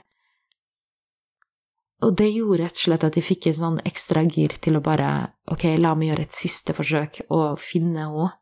Og så kan jeg fortelle henne om det, og om hun ikke har lyst til å ha kontakt med meg, så får det så være, liksom. Da tok jeg kontakt med en turistgruppe på Instagram som eh, jeg spurte om kunne sette meg i kontakt med en privatetterforsker. Og det man må tenke på i det tilfellet, her, er at i dag jobber jeg allerede med et team som jobber med gjenforeninga aktivt hver eneste dag. Jeg jobber med menneskerettighetsadvokater, jeg jobber med journalister, jeg jobber med så mange lokalt på øya men jeg greier ikke gjenforene meg sjøl. Det var helt umulig for meg å gjenforene meg sjøl. Og da tok jeg kontakt med det teamet her, og så sier de at ok, eh, takk for at du tok kontakt, vi kommer til å komme tilbake til det. Det her er 3. november i 2013, og da hører jeg fra dem på kvelden, så sier han at vi tar saken, og så skjønte jeg ikke helt hva de mente, for jeg bare dere er turistguider, jeg jobber med turistguider også, det er ikke vits at dere tar saken. Og så sier han nei, vi tar saken, vi er en gruppe på 25 menn som jobber ganske høyt i landet. Noen av oss er politikere, andre av oss er banksjefer, vi er ganske ressurssterke grupper, så jeg tror vi kanskje kan nå folk ulike folkelag. Og selv om vi er muslimske menn, så tror jeg at vi har muligheten til å kunne komme ut med historier. Jeg skjønte jo ikke at for dem så handla det jo om å hjelpe meg, men det handler også om omdømmet til bedriften. At en trist historie som går i barnets favør, er jo ganske bra markedsføring for en eh, bedrift, og spesielt i Vesten. Men sett tilbake så er jeg bare utrolig takknemlig for at de faktisk gjorde det, og om det kunne være med å gi dem en bra markedsføring, så for all del, bruk det i det tilfellet her, så lenge dere ikke prøver å selge historien min. Og det prøvde de ikke. De prøvde å hjelpe meg, og de gjorde søket, og de fant henne på 13 dager. Og det er en ganske drøy historie bak det, fordi jeg ville aldri gjort det søket på den måten de gjorde det, men vi hadde aldri funnet henne hvis ikke de gjorde det på den måten, og de gikk til alle instansene som var involvert, og fikk ikke hjelp, og til slutt så måtte de gå til et register uh, og spørre om de kunne få identiteten hennes. Og så kunne de bekrefte hennes adresse som var tidligere, og de oppsøkte den adressa for å eh, spørre om eh, de kunne få snakke med henne, og da forteller naboen rett og slett, mens jeg er på eh, WhatsApp eller Skype, og så forteller de at eh, hun er mest sannsynlig død Eh, du kommer ikke til å få kontakt med henne, for hun hadde et ganske heavy hjerteinfarkt. Og så ender det da med at eh, de blir fortalt om at de kan gå til en butikk i nærheten som kjenner familien veldig godt, og spørre om de kan få snakke med min tante eller noen andre i familien. Og da forteller jo butikkeieren at men hun er jo ikke død, hun, hun bor jo her borte men vær litt forsiktig fordi hun bor i et ganske heavy område. Og det trodde jeg var fordi at de var fattige. Men min familie var ikke en fattig familie, den var en middelklassefamilie som fikk familiestrukturen sin ødelagt når min bestefar døde av hjerteinfarkt. Og da måtte barna begynne å jobbe, og min bestemor var hjemmeværende og tok vare på barn. Som gjorde at de hoppa i en sosial klasse og adopsjonen, stigmaet rundt adopsjonen gjorde at mamma sleit med å få jobb igjen. At det var rett og slett så vanskelig at hun hadde mista barnet sitt og gitt det bort, da. Jeg skjønte ikke hvorfor hun var så sint ved gjenforening, men sett tilbake så var det også så tydelig. Og det som skjedde, var at de tok kontakt med familien min, de møtte bestemora mi, og bestemor sier at det der er ikke min datter, jeg kjenner ikke den jenta her. Og så ser de på og er sånn Men dere er jo helt identiske, det er jo ikke sjans at dere ikke kjenner hverandre, og bestemor blir bare sintere og sintere. Og så kommer min onkel kjørende på en tuk-tuk, og så sier han sånn Hvem er dere? Og fordi de er så fint kledde De mennene her bor jo i en overklassefamilie. Altså, når jeg kom på Sri Lanka og møtte dem for første gang og var hjemme hos deres familie sitt hjem, så har jeg aldri sett sånne hus før. Det er det drøyeste jeg har sett, og de har laga det sjøl fordi de er arkitekter i familien, og det er veldig Det er snakk om villaer. og da kommer de inn i den verste slummen og står der med dress, liksom. Eh, og jeg sa til dem ikke ta på dere dress, og han gjerne har liksom dress, eh, som er fint, fordi at de hadde jo vært på forskjellige kontorer i forkant, og så hadde de jo finsko og sånn, mens alle rundt går så vidt i klær. Da ser de jo ut som de er fra politiet eller en etterforskningsgruppe, så de var jo livredde.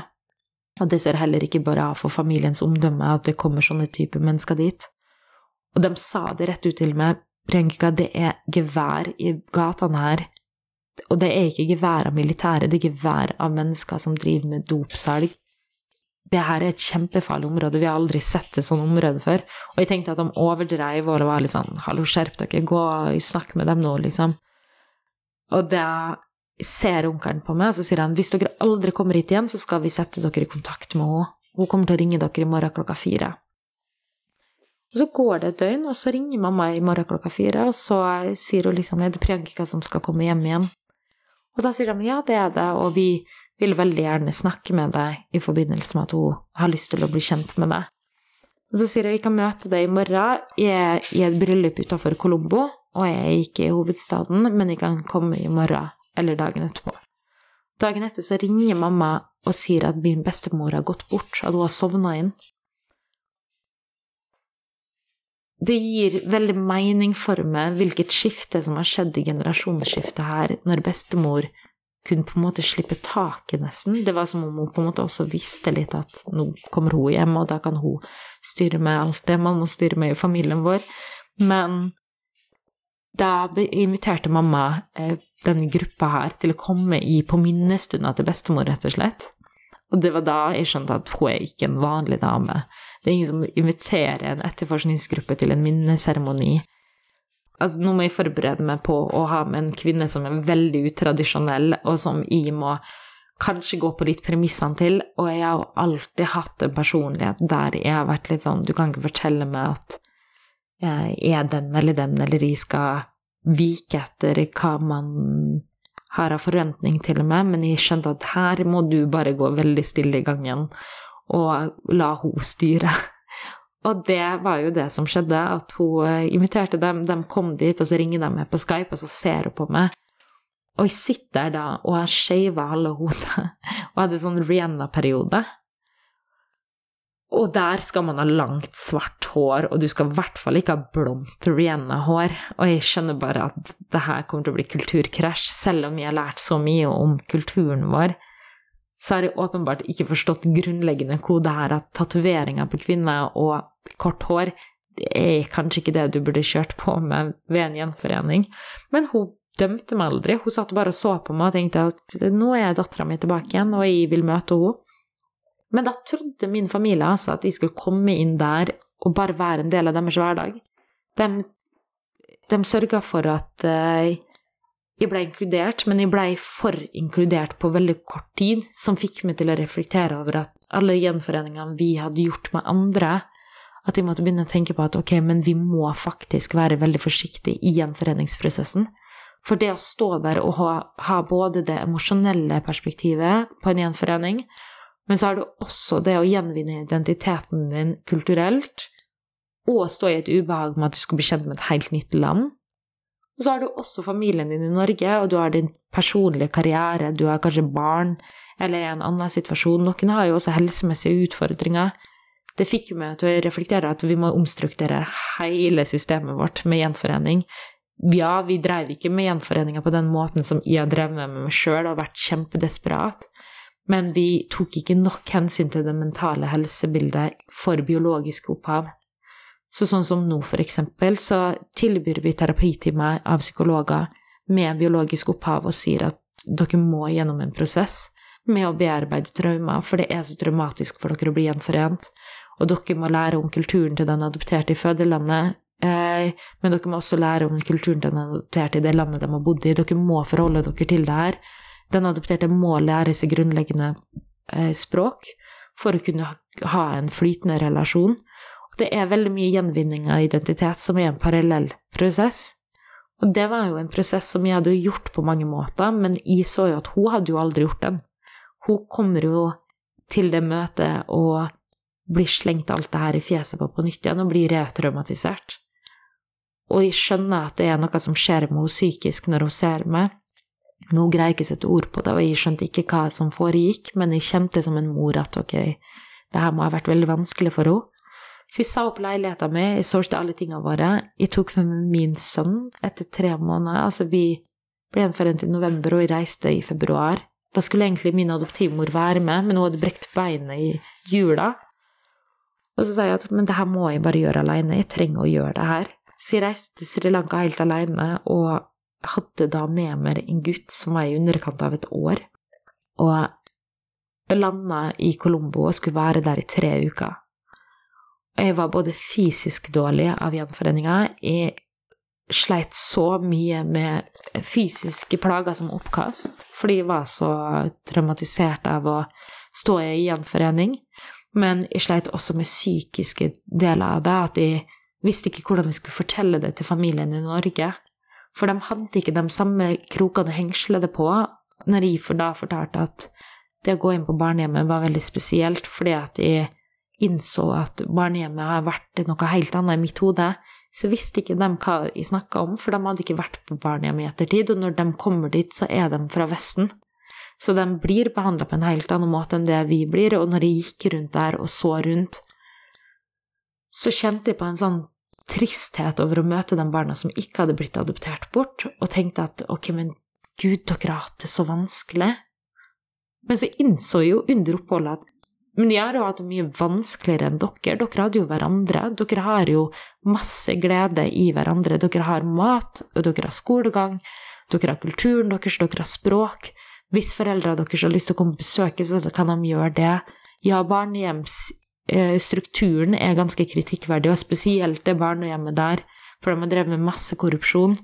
Men jeg så at de hadde så mye glede av hverandre, og de så på meg og var litt sånn Hvorfor ser du ned på oss? Hvorfor tror du at du har fått vinnerlotteriet?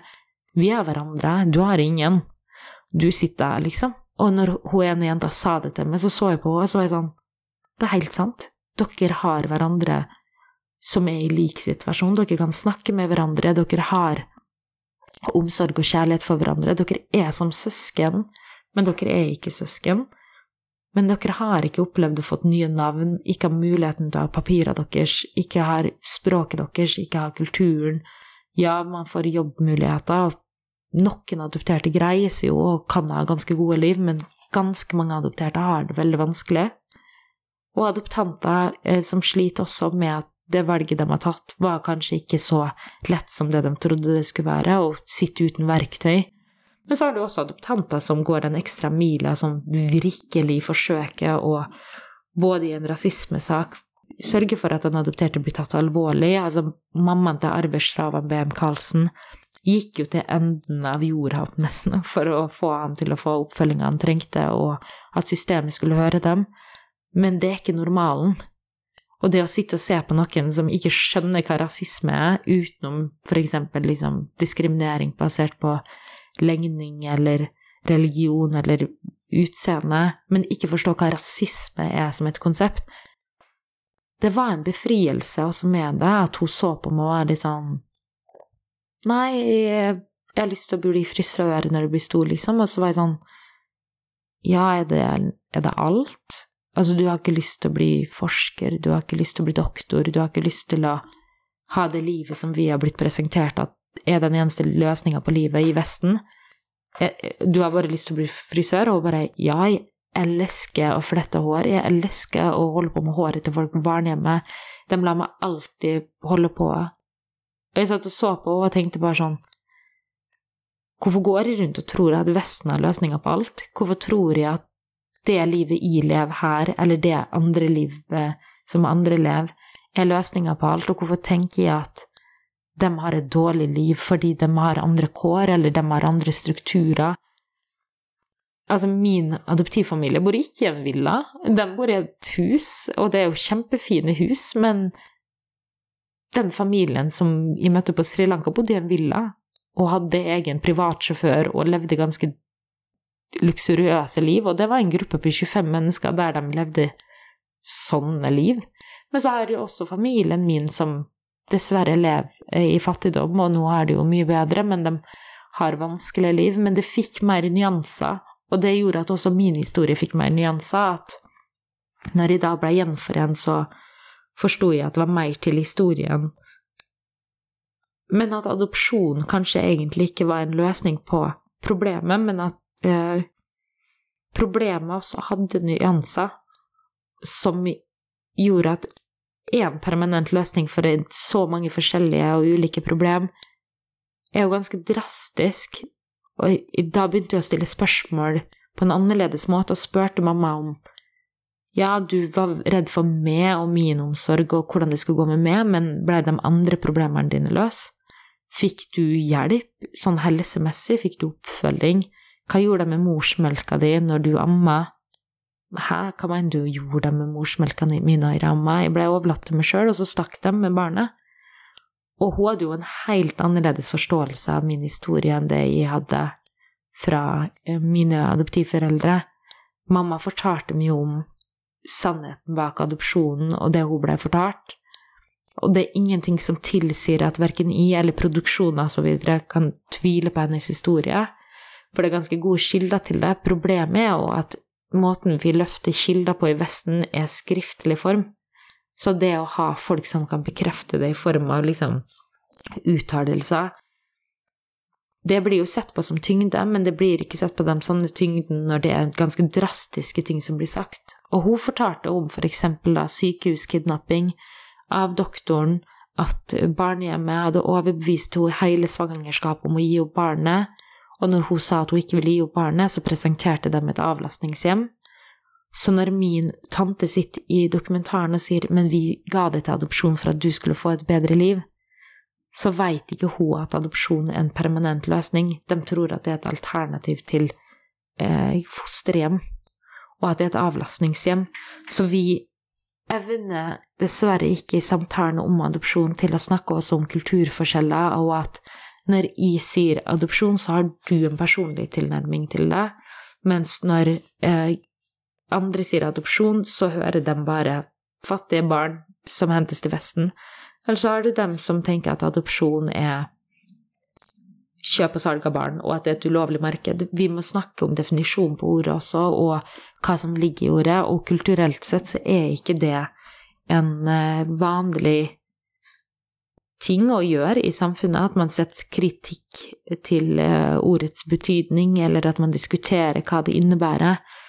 Mamma er heller ikke en type som stiller spørsmålstegn til eh, et ord og spør om liksom Men er det her for alltid? Når hun blir presentert informasjon, så er hun kjempekritisk og stiller spørsmålstegn til liksom Kommer du til å gjennomføre det her, og hvordan vil det se ut for meg? Men hun kommer ikke til å stille spørsmålstegn til Prøvde du å lure med noe? Er det her et konsept som ikke forstår? Hva innebærer det her konseptet? Og det er vel kanskje det som gjorde at det ulovlige markedet av adopsjon kunne utspringe, det at vi har to forskjellige tilnærminger til samme konsept. At for oss så var det viktigere å fokusere i barndommen på at mine adoptanter skulle stå i en adopsjonskø, de hadde vært gjennom en godkjennelse av Bufdir, de hadde gjort alt det reine da, eh, som man skulle gjøre i en adopsjonsprosess. Men de forholdt seg for eksempel ikke til hvordan min mor sin morsmelk skulle stoppe, stille spørsmålstegn til etteradopsjonstilbudet deres. Vi snakker om etteradopsjonstilbud her, men hva med dem? Og hva med faktumet at barn blir henta Så sitter en ammende kvinne igjen med melkespreng, og de som har opplevd melkespreng, vet at det er kanskje det verste man kan oppleve. Og det var hennes hverdag. Og det er i seg sjøl traumatisk, fordi at hun har ikke et barn å amme, og hun har heller ikke noen å spørre om medisinsk hjelp for henne. Fordi når du har mista barnet ditt, så har du ingen sted å henvende deg. Du har ingen rettigheter som en kvinne til å gå få oppfølging. Og du blir sett ned på for at du enten mister barnet eller ikke evner å ta vare på barnet. Og i det tilfellet her så gikk hun jo både til barnehjemmet, hun gikk til myndighetene, hun gikk til politiet, hun gikk til alle og sa at jeg finner ikke barnet mitt. Jeg har blitt fortalt at vi skal bo i et avlastningshjem med Røde Kors, og at det er to hvite eh, arbeidere som har kommet fra Vesten og skal ta vare på dem.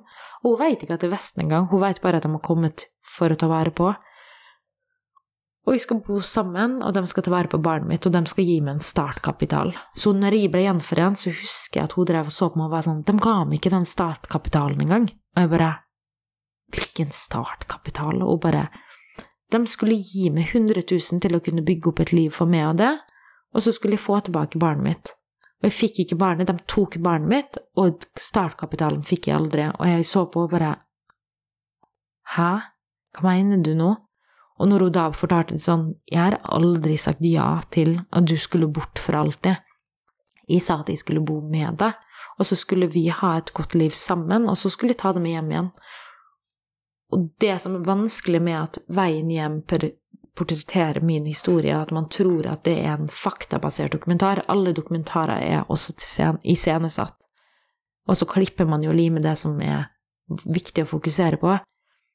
Det er jo at man får ikke dypere forståelse av hvorfor min tante f.eks. ikke fikk vite om landet jeg skulle til, at de ikke visste at de var i Norge.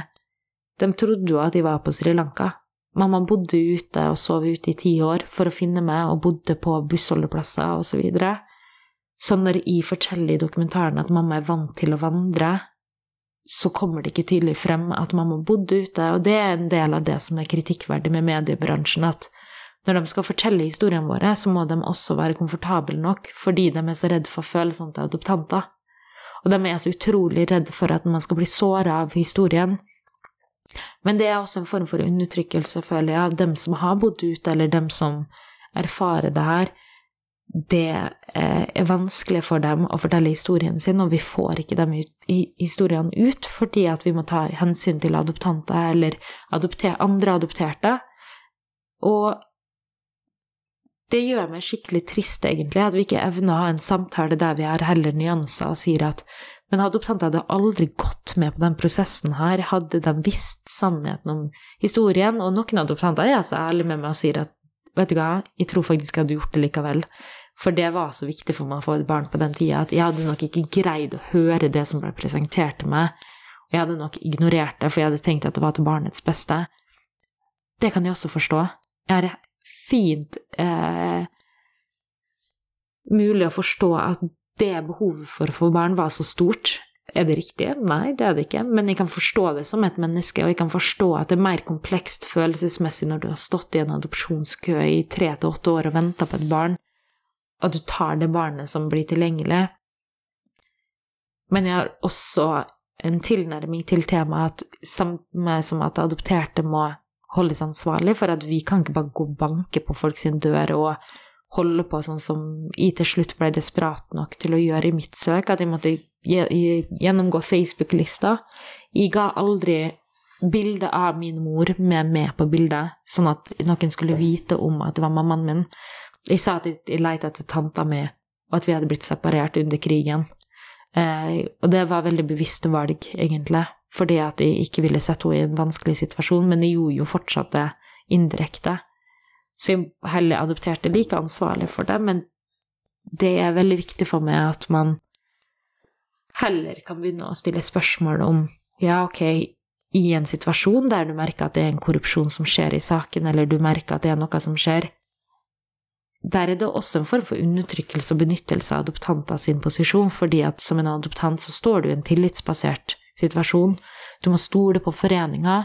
Du har så mye tillit til en forening som er godkjent av staten. Man tenker at det veit de hva de driver med eh, i fødelandet. Man tenker at eh, foreninga veit hva de driver med i fødelandet fordi at de er godkjent av staten, men så tenker man også at det her har blitt gjort så mange tusen ganger at hvorfor i alle dager skulle det vært noe feil med min prosess? Jeg vil bare hente det barnet her, og når det da oppstår situasjoner, sånn som i vår, vårt tilfelle, at advokaten prøver å forminske adopsjonstida ved at mamma og pappa skal betale eh, høyere beløp, så tør de ikke stille spørsmål De satte faktisk ned foten, men de tør ikke stille spørsmål fordi de er redd for ikke å få barnet. Men da kan jeg også stille spørsmål til mine adoptivforeldre og si hvorfor i alle dager fortsatte dere en prosess med en sånn advokat? Nå når jeg ikke finner saken min på Sri Lanka, og den har foregått i et rettssystem, den foregikk i en domstol, det er en dommer involvert, men du kan ikke få en dommer eh, holdt ansvarlig, for da sier du at hele rettssystemet deres ikke fungerer. Så du kan få andre ansvarlig, og dessverre er det ganske mange av dem som har gått bort. Og vi fant rett og slett ut i min historie at det er ingen av mine dokumenter utenom fødselsdokumentet mitt som er registrert noen sted. Det har aldri skjedd at jeg eh, ble registrert som adopsjon og eh, som en adoptert. Som bekrefter den følelsen jeg hadde på barneskolen, og som jeg hadde som barn, at det var noe som hadde skjedd med adopsjonen, der jeg følte meg rett og slett kidnappa. Men når jeg da i tillegg får vite om at mamma har vært både gjennom en prosess der hun har sagt tydelig fra til barnehjemmet at jeg skal ikke gi barnet mitt bort, jeg vil ha hjelp, men jeg vil ikke gi barnet mitt bort, og jeg får vite at på sykehuset så forsøkte doktoren å ta barn, og var, vi var fire eller fem barn som ble forsøkt å ta bort fra foreldrene våre, og så evna de å få dem tilbake fordi mamma det klikka for henne. Hun er en sånn type dame som det klikker for. Jeg skjønner hvor jeg har fått rettferdighetssansen min fra, men hun gikk rett og slett og sa at hvis ikke du gir tilbake barna, så kommer de til å bombe det sykehuset.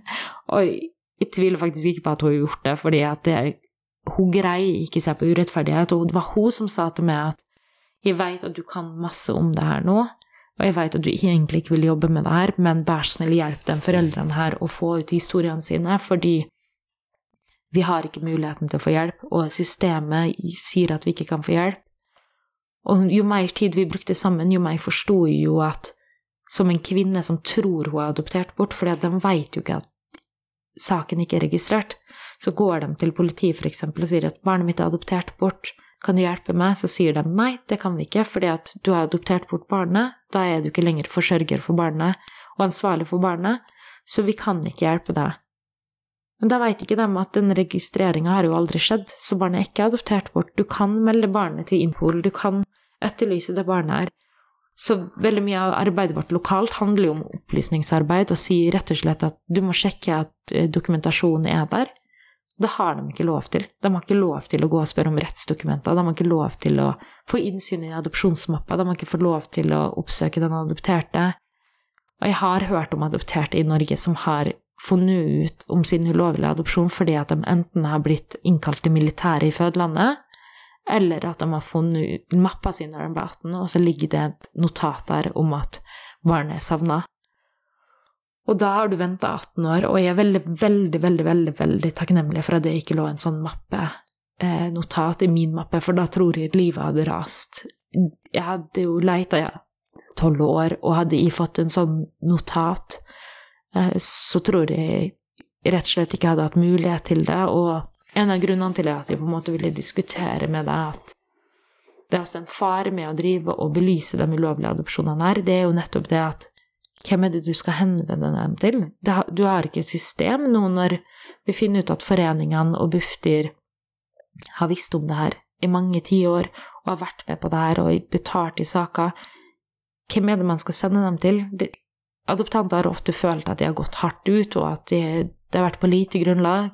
Men grunnen til at de ikke har gått hardere ut og fortalt om foreningene sin korrupsjon i fødelandet eller prosessene, er jo fordi at jeg rett og slett føler på et ansvar om at hvis jeg belyser det, så har jeg også et ansvar om å sørge for at det finnes et system.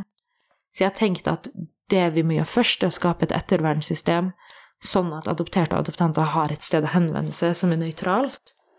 Og så kan vi belyse korrupsjonen, men sånn som nå når VG eksempel belyser korrupsjon, og TV 2 belyses korrupsjon, NRK gjør det også, så kommer det en veldig lang tid etterpå, og de gjør det jo fordi at resten av verden gjør det, og at man må noe.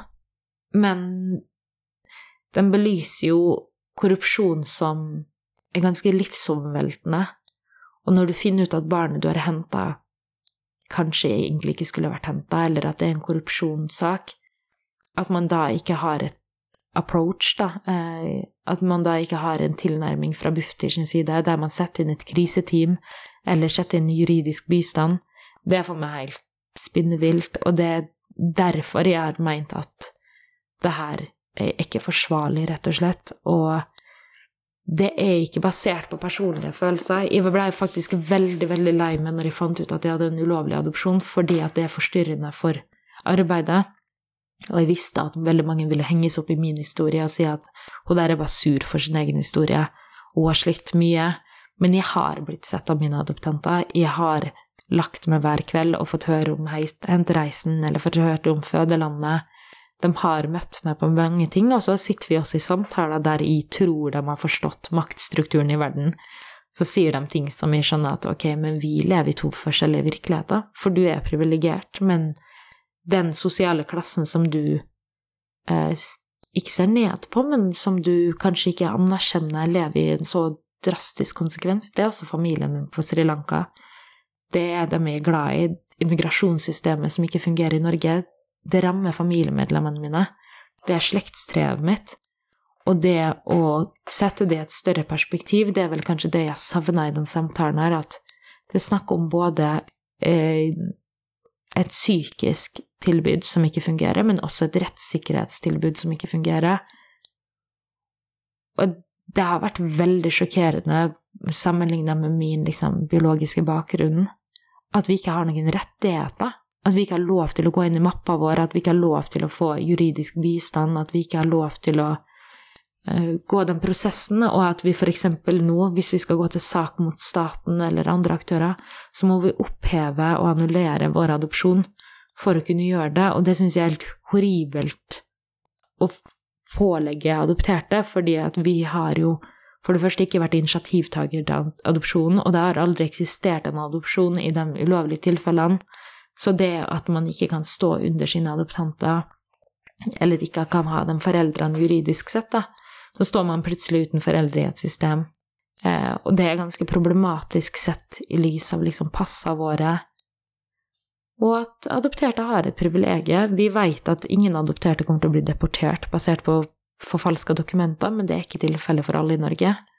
Og der må vi også ha en samtale etter hvert om at det er forskjellsbehandling, rett og slett, basert på hvem som henta det hit. Innvandrerbarn, eh, eller, eller for barn av innvandrere, er jo, er jo like uskyldige dem som det adopterte er i en adopsjonssak, men lovverket rammer oss forskjellig, og det har vel kanskje gjort meg veldig trist underveis at jeg har ikke bedt om både en gransking av adopsjon, og at man stenger feltet midlertidig for å være slem mot noen, men jeg skjønner jo at det oppleves veldig vanskelig når de kommer og sier at et system ikke fungerer, og at man må ta det alvorlig. Men jeg kan heller ikke forstå som forelder at man vil på død og liv hente barn hit, når man vet at det kanskje potensielt er en kidnapping, og sette sitt behov for å få et barn, eller barnets behov for en forelder, så høyt at man ikke kan støtte barnet der det er. Hvis du bryr deg så mye om det barnet, så greier du å ivareta det barnet på avstand. Du kan ha fjernadopsjon, at du er en støttefamiliemedlem i deres familie, men at barnet får lov å være der det er, med sine røtter og sin kultur. Og så trenger man ikke være enig med meg. Jeg leiter veldig sjelden etter at folk skal være enig med meg, men det jeg leter etter i samfunnet, er jo at man skal anerkjenne når FN går rundt og sier at det her er alvorlig, og at de ønsker å avskaffe barnehjem pga. at barn ikke er foreldreløse. 80% av barn er ikke foreldreløse, de har øvrige familiemedlemmer som lever. Så er det plutselig snakk om at ok, koreanske kvinner må kunne stå som aleneforsørger, og ikke stå under koreanske menn, og miste omsorgsevnen når de ikke står under en mann, og det greide adopterte i Korea og forandre. Vi har greid å gjøre lovendringer for familiens beste, men så er det også bekymringsverdig at jeg har bedt om en gransking som er helt vanlig. En bedrift gransker seg sjøl etter en viss periode og tar temperaturen. Det at vi har ført et adopsjonsfelt av menneskeliv i 70 år og ikke sjekka temperaturen på det, det er, gans, det er, jo det som er bekymringsverdig. Det er jo ikke det at vi skal granske som er bekymringsverdig. Det å hente mennesker fra 37 land og ikke sjekke er det her et fungerende system, både sett i lys av at det finnes krigsbarn, men også barn i andre situasjoner.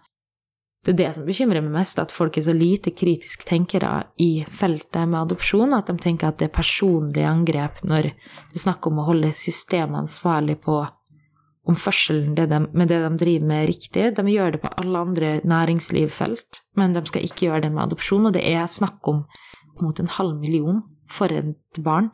Og det er ganske stor andel eh, av statens inntekt hvis man ser adopsjonsfeltet og statsstøtte osv. Så, videre.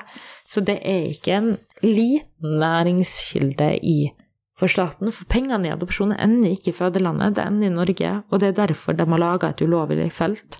Det er fordi de rett og slett ikke får penger for adopsjonen, og at eh, adoptanter ender med å måtte betale inn til adopsjonsformidlerne osv. ganske høye summer som i hvert fall i min eh, del av feltet her, ikke ser grunnlag for at man skal ha så høye kostnader for å ha. Det å oversette et dokument og en sånn prosess koster ikke så mye, og jeg ser heller ikke andre grunnlag for at man skal ha så høye kostnader, og det er jo også en del av granskinga. Det er at de skal se på bistandspengene deres og se bestikkelser, men også se på kostnadene i en adopsjon. Når jeg kom på Sri Lanka for første gang nå, så spør jeg hvor mye en adopsjon koster.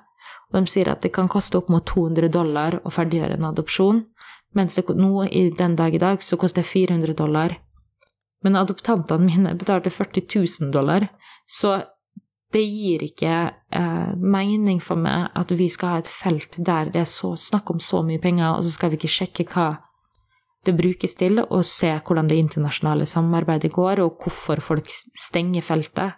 For det er ikke Norge som fraskriver seg samarbeid, det er, det er fødelandet som avslutter samarbeidet.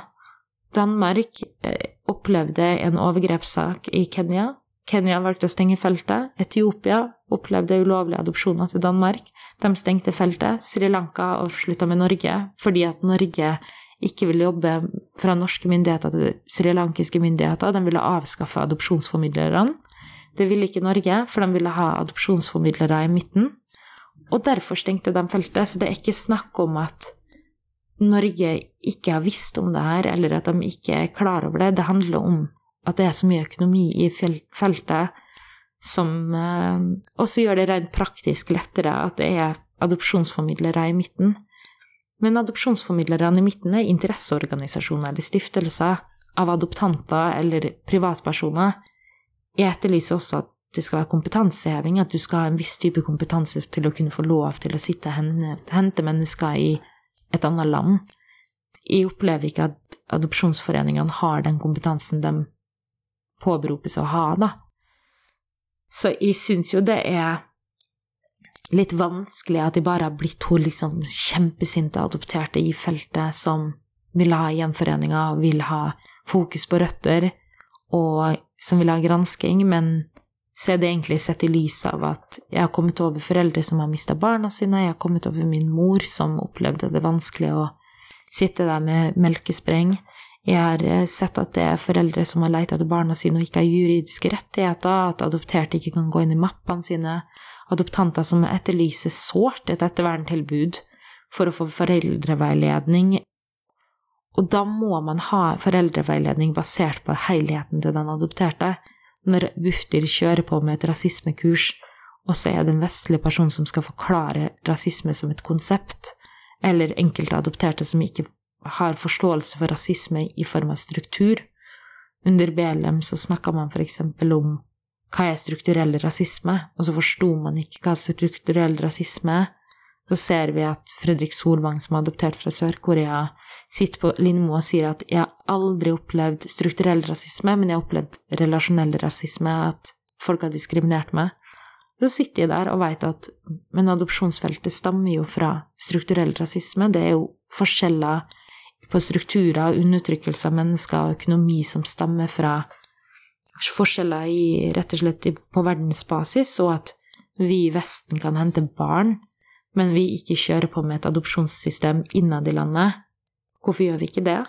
Og når jeg snakker med Bufdir om det, så sier de at for det første så sa Bufdir-ansatte at uh, i Norge så ivaretar vi barna våre, så vi driver ikke med adopsjon. Så det var ganske sjokkerende å høre. Men så var det også fordi at menneskerettighetene står så sterkt i Norge at adopsjonsfeltet går rett og slett imot det. Og i enkelte krisetilfeller så driver man med tvangsadopsjon, men da skal det være ganske krise. Men da er det jo interessant at man har henta over 20 000 barn fra land som man ikke anser skal ha menneskerettigheter. Så det er jo de her type samtalene jeg vil at vi skal evne å ha. Men de sier jo ikke at adopterte ikke kan ha en god erfaring, eller at adoptanter ikke har en god erfaring. Jeg har en god erfaring, men jeg har også en veldig dårlig erfaring av å ikke ha rettigheter og ikke vite om mitt opphav. Og jeg veit ikke, for å være ærlig, om jeg hadde hatt det bedre hadde jeg kunne visst om mine røtter og kjent mine røtter. Og jeg veit heller ikke om jeg hadde hatt et bedre liv på Sri Lanka om jeg hadde fått være der. Men det jeg veit, er jo at systemet fungerer ikke, og systemet tilbyr noe de ikke praktiserer. Og det føler jeg på en måte har blitt vår rolle til å holde dem ansvarlig for, men også stille spørsmål. Det er sånn som nå med VG, at det kommer fram så tydelig at uh, de ikke aner hva de prater om. Og det er først nå adoptanter skjønner at de har blitt lurt, dem også. Og de er også et offer i der. Men så har man fått et barn, man har blitt glad i hverandre, og man har det godt. Men det man ikke tenker på, er jo hva om det her har generasjonskonsekvenser? Hva om barna til adopterte kommer til å stå i seinere konsekvenser som vi ikke veit om? Plutselig så fjerna de fødelandet vårt i passet, og så var det adoptanter som fikk det inn igjen. Kom, hva kommer til å skje? Eh, og hvordan kommer det til å se ut hvis det har konsekvenser? Og barna våre har ikke lov til å gå inn i våre mapper. Og det har jeg også lyst til å endre. Det er deres røtter også. Mine sønner har like rett på å vite dem om mine røtter som det jeg har, og det er deres røtter. Og i vårt tilfelle så fant vi ut at en av mine sønner har en arvelig sykdom som min biologiske familie har, og det er heldigvis ikke en veldig ille sykdom, men de fant det ut såpass tidlig, og det var fordi vi var gjenforent. Og da kunne Ullevål sjekke det ut med en gang, men se for deg hvis det ikke hadde skjønt. Derfor er det viktig at vi også har tilgang på vårt medisinske opphav og medisinske rapporter, og de fleste adopterte har jo ikke det. Det strider jo imot eh, juridiske retningslinjene i adopsjonsfeltet. Så jeg tror det som er vanskelig her, er at det er et følelsesbasert felt der jeg står i en gjenforening og ikke er klar over mitt eget privilegium, over at jeg også er en form for undertrykker. At når jeg kommer dit og sier at 'men jeg vil vite svarene', så tenk ikke på at ja, men da så kan du stikke tilbake til landet ditt, Priyanka, og leve et videre liv og gå til psykolog hvis du trenger det, og kanskje ta dagpenger på Nav eller ta sykemelding eller hva enn du har lyst til hvis ting blir litt vanskelig. Mens der har du familiemedlemmer som virkelig har prøvd å bygge opp nye liv, og virkelig prøver å skape seg et bedre liv for seg sjøl, og så kommer de og river opp hele deres grunnfeste igjen og begynner å stille spørsmål. Så jeg sier ofte til adopterte de gjenforeningene vi har, så sier jeg at det er ikke alt du skal vite. Det er enkelte ting du burde vite om medisinske bakgrunnen din, kanskje grunn til adopsjon, eller om det var en adopsjon, og litt sånn viktige ting, men ha fokus på her og nå. Den vil aldri kunne relatere til det livet du har levd, du kan prøve å forstå det og forsøke å forklare det, men de kan aldri relatere til det. Så vi må være litt strenge i gjenforeninga, og jeg sier til adopterte som bare skal hjem for å si hei og si at de har hatt et godt liv, at de kan ikke gjenforene det. Jeg må tenke på det, det ansvaret vi har, men jeg kan sikre mappa di, jeg kan sjekke dokumentene dine, og så kan jeg gjenforene det når du er klar for det, eller så kan vi overrekke dokumenter og beskjeder til familien din og si at hei, jeg har blitt kontakta av den personen her, jeg har lyst til å overrekke en beskjed fra den vedkommende, mens jeg kan ikke sette dere i kontakt. Og hvis de da presenterer for dem og sier at du, eh, vedkommende har ikke et ønske om å ha kontakt, fordi at det vil ikke det, men de har veldig lyst til å fortelle at den er veldig takknemlig for det livet den har fått, og så videre, så sier ofte foreldrene sånn, kan de være snill bare for å ringe og si hei? Og så har det i enkelte tilfeller endt med at de faktisk får en veldig god relasjon fordi at vårt team eller andre team veileder. Men vi er veldig strenge med adopterte også og sier at du må faktisk være bevisst på at du kan komme og potensielt ødelegge mennesker sitt liv. Men det er ikke så svart-hvitt som foreningene og Torbospor osv. skal ha det til å virke som at man skal ikke oppsøke hvis det står i dokumentet at de ikke vil bli oppsøkt, fordi det er også en del av ulovlig praksisen. For å skjule ting, så har det vært tilfellet. Så vi sjekker og det er derfor vi nå på Sri Lanka starter et gjenforeningskontor, Det er for å, kunne ha en nøytral plass. Rett og slett et lokale der man kan komme, og så kan vi gjøre gjenforeninga der fordi at de skal slippe at vi kommer til landsbyen deres. Men så skal vi også sette inn noe traumespesialister osv. Og, så videre, og tilby både dette adopterte, men så også adoptanter. Og det blir det internasjonale tilbudet, men sånn som romantisert innvandring. Og vi valgte jo det navnet for å provosere, for å kunne skape oppsikt i feltet, men det er jo en romantisert innvandring fordi at vi tenker at adopsjon bare er greit. Um, men hvis jeg hadde kommet med min mor, så hadde vi vært innvandrere. Men når jeg ble henta, så er det jo bare en romantisert henting.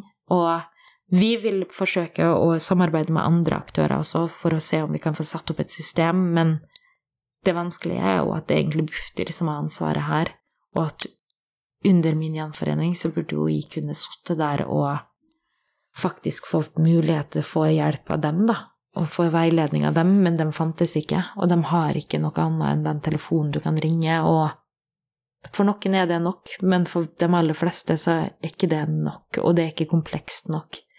Og de har ikke kunnskapen til å forstå at det er så mange ulike spørsmål i en gjenforening som man må tenke på, men også i det å oppdra en adoptert.